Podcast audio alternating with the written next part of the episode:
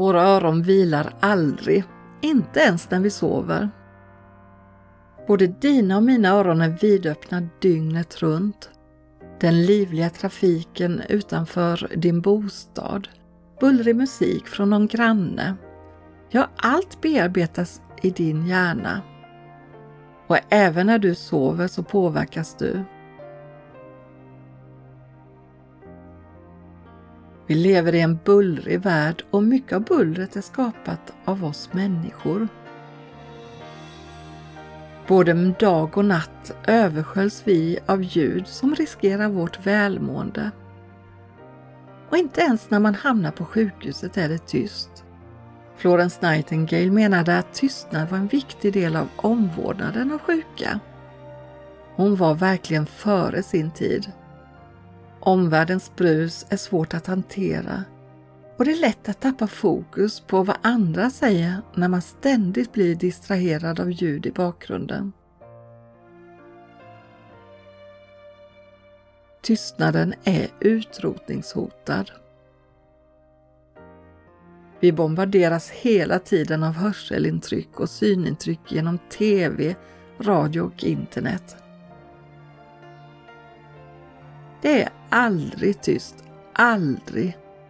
Hjärnan är fullt upptagen med att bearbeta allt vi ser och hör. Har du någon plats där du kan uppleva tystnad? Det är kanske mest påtagligt när du går in i en tom kyrka eller är ute i naturen långt från allfartsvägarnas buller. Någon har beskrivit vår värld som en diktatur av buller.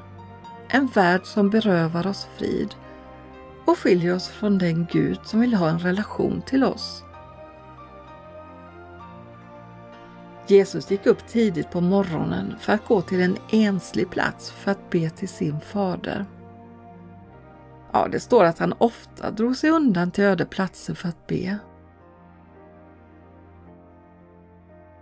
Bön är vårt hjärtas samtal med Guds hjärta, som en vän talar med en vän eller ett barn till sin pappa. Och alla relationer bygger på att man tillbringar tid tillsammans och pratar med varandra. Det är så man får relationen att växa och blomstra. Du kanske behöver en speciell plats där du kan stänga av allt som distraherar dig. Det kan vara en fysisk plats i ditt hem där du får möta Gud på morgonen innan allt börjar brusa och larma och dåna. Där vill han att du berättar för honom vad det är som rör sig i ditt hjärtas trädgård. Det vill han för att du ska bli medveten om alla dina tankar och känslor som ofta är som trassliga garnnystan. Då behöver man en plats där inget annat stör. Forskarna upptäcker hela tiden nya galaxer i universum.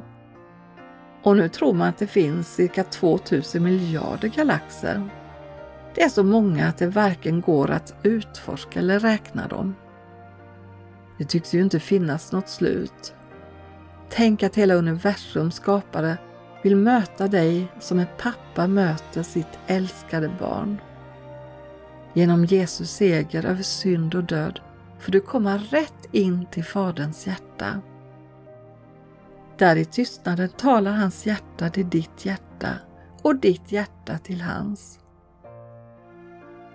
Och i hans närvaro behövs inga snitsigt välformulerade böner. Du behöver inte ens bekymra dig över vad du ska be om. Så här står det. Så hjälper också Anden oss i vår svaghet. Ty vi vet inte vad vi bör be om, men Anden själv ber för oss med suckar utan ord. Och han som utforskar hjärtan vet vad Anden menar, eftersom Anden ber för de heliga som Gud vill. Han känner ditt hjärta bättre än vad du själv gör. När du möter Gud i stillhet på morgonkvisten vill han tala till dig. Helt plötsligt kan något du läser i Bibeln träffa ditt hjärta. Ja, något som aldrig tidigare har berört dig. När allt runt omkring dig är tyst kan din relation till Gud fördjupas Och så kan du börja urskilja hans kärleksfulla röst. Och innan du är beredd att kliva ut i den nya dagens utmaningar kan du be Låt mig var morgon möta din trofasthet. Jag litar på dig. Visa mig den väg jag ska gå. Jag sätter mitt hopp till dig. Och då svarar Gud, vare sig du viker av åt höger eller vänster, så ska dina öron höra detta ord ljuda bakom dig. Här är vägen, gå på den.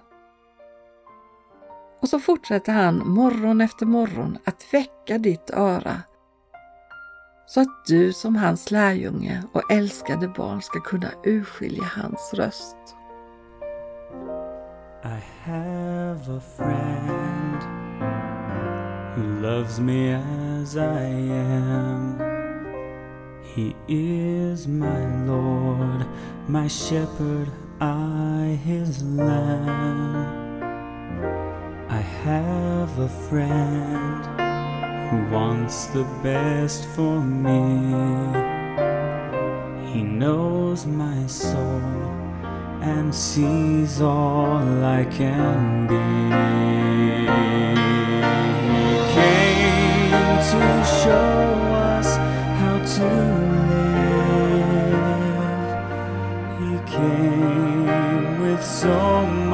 love to give. My friend who listens to my prayer, my Savior, He is always